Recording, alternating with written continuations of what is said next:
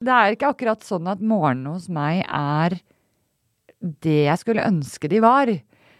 I podkasten God morgen får du høre om hvordan kjente og kloke mennesker starter dagen, både i medgang og i motgang, sånn at vi kan plukke opp noen nyttige tips til vårt eget liv.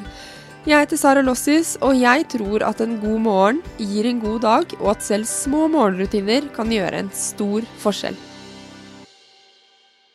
Å gi seg sjøl en god start på dagen, og hva det betyr for deg, er det jo ingen andre som skal legge seg opp i. Det å, og kanskje føle seg litt fin, eller uh, hvis du er bleik og gusten, fikse det med litt rouge eller en foundation, og det gjør at du går litt rakere i ryggen til jobb, så skal ingen komme og fortelle meg i hvert fall at det er overfladisk. Tenker jeg en investering i egen, eget humør, og på sikt faktisk egen mentale helse. Det å bruke litt tid på seg sjøl. Og podkasten inneholder reklame for min nye bok God morgen enkle vaner som kan forandre livet ditt allerede før dagen starter. Hver episode avsluttes med en av de over 80 morgenrutinene som fins i boken min. Og de morgenrutinene de tar fra et par sekunder til en liten halvtime, sånn at de med mye tid, lite tid eller ingen tid kan ta i bruk rutinen med en gang hvis det frister. Og ja, også på slutten av denne lille teaseren så får du en morgenrutine fra boken. Og i episodene snakker vi om hva morgenrutiner er, og hva det kan gjøre for oss. Jeg tenker at det rammer inn dagen og gir et utgangspunkt som gjør oss rustet til å møte livet akkurat den dagen. Vi skal snakke om morgenrutiner når livet er tøft. Dagen etter eh, Vi hadde jo ikke sovet et øyeblikk den natten. Um, og da tenkte jeg bare at nå, nå, må jeg bare gå og løpe på tredemølla, eller, eller trene kettlebells eller et eller annet. Noe som gir meg uh, en Bare et avbrekk fra disse tankene og, og dette kaoset her. Um, og da hoppa jeg på tredemølla, og jeg hadde ingen kraft i beina. Det var bare helt tomt. Så det endte jo bare med at jeg sto og grein på den der eh, tredemølla. Så prøvde jeg å gjøre litt styrke og sånn, men jeg var ikke på plass, jeg var ikke til stede. Og det, det var jo også en forferdelig følelse å igjen føle seg så fremmed i et rom som jeg føler meg så trygg, og som er mitt terapirom, da. Eh, plutselig var ikke det der for meg eh, lenger. Vi snakker om å beholde de viktige morgenrutinene, selv i perioder kroppen ikke klarer å gjennomføre dem.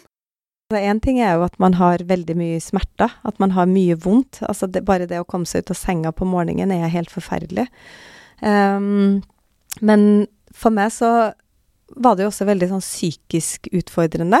Um, både fordi jeg ikke fikk gjøre den der fysiske praksisen min, uh, og fordi at jeg følte at jeg mista en stor del av livet mitt fordi jeg ikke fikk praktisert, da. Men da bare bestemte jeg meg for at jeg skal på den matta uansett. Mobilbruk og vår oppmerksomhetskapital er også tema i flere av episodene. Det er jo ikke sånn at man ikke skal gjøre det, men det er jo det er en ganske brutal sånn rett fra drømmeverdenen, liksom, som er så eh, rik og in, in, sånn indre opplevelse, så rett ut i verden. Sånn få inn hele verden på ett sekund. Tenk at det er litt sånn brutalt, da. Og så skal vi snakke om at livet det er i dag, og ikke i morgen. Men det er jo veldig viktig å huske at det vi gjør i dag, er livet. Så hvis du tror at livet ikke er bra sånn som jeg litt har det nå, at det er for mye stress, det er for lite liksom hvile, eh, og for lite venninner, ikke sant, da må jeg gjøre noe med det.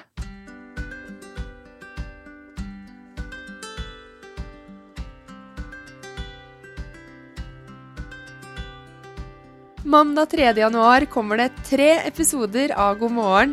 Deretter kommer det en episode hver mandag. Og jeg gleder meg innmari til å dele gode morgenkvister med deg i 2022. Og boken God morgen kan du forhåndsbestille på nordli.no og andre steder allerede nå.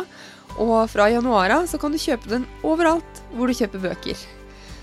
Og dagens morgenrutinetips er altså fra over de 80 morgenrutinene i boken God morgen. Tipset er hentet fra kapitlet som heter For deg som har ferie, fri eller bare en deilig helg.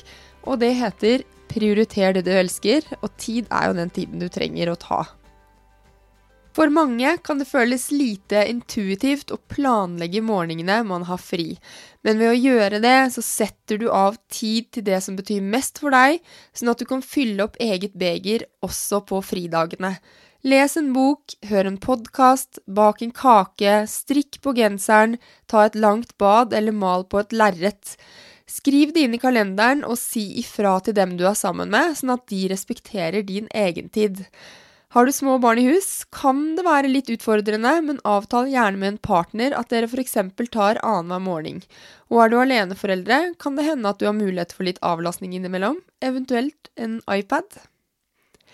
Så så korte kan eh, rådene være i morgenrutineboken, og podkasten God morgen kommer altså 3. januar. Vi høres!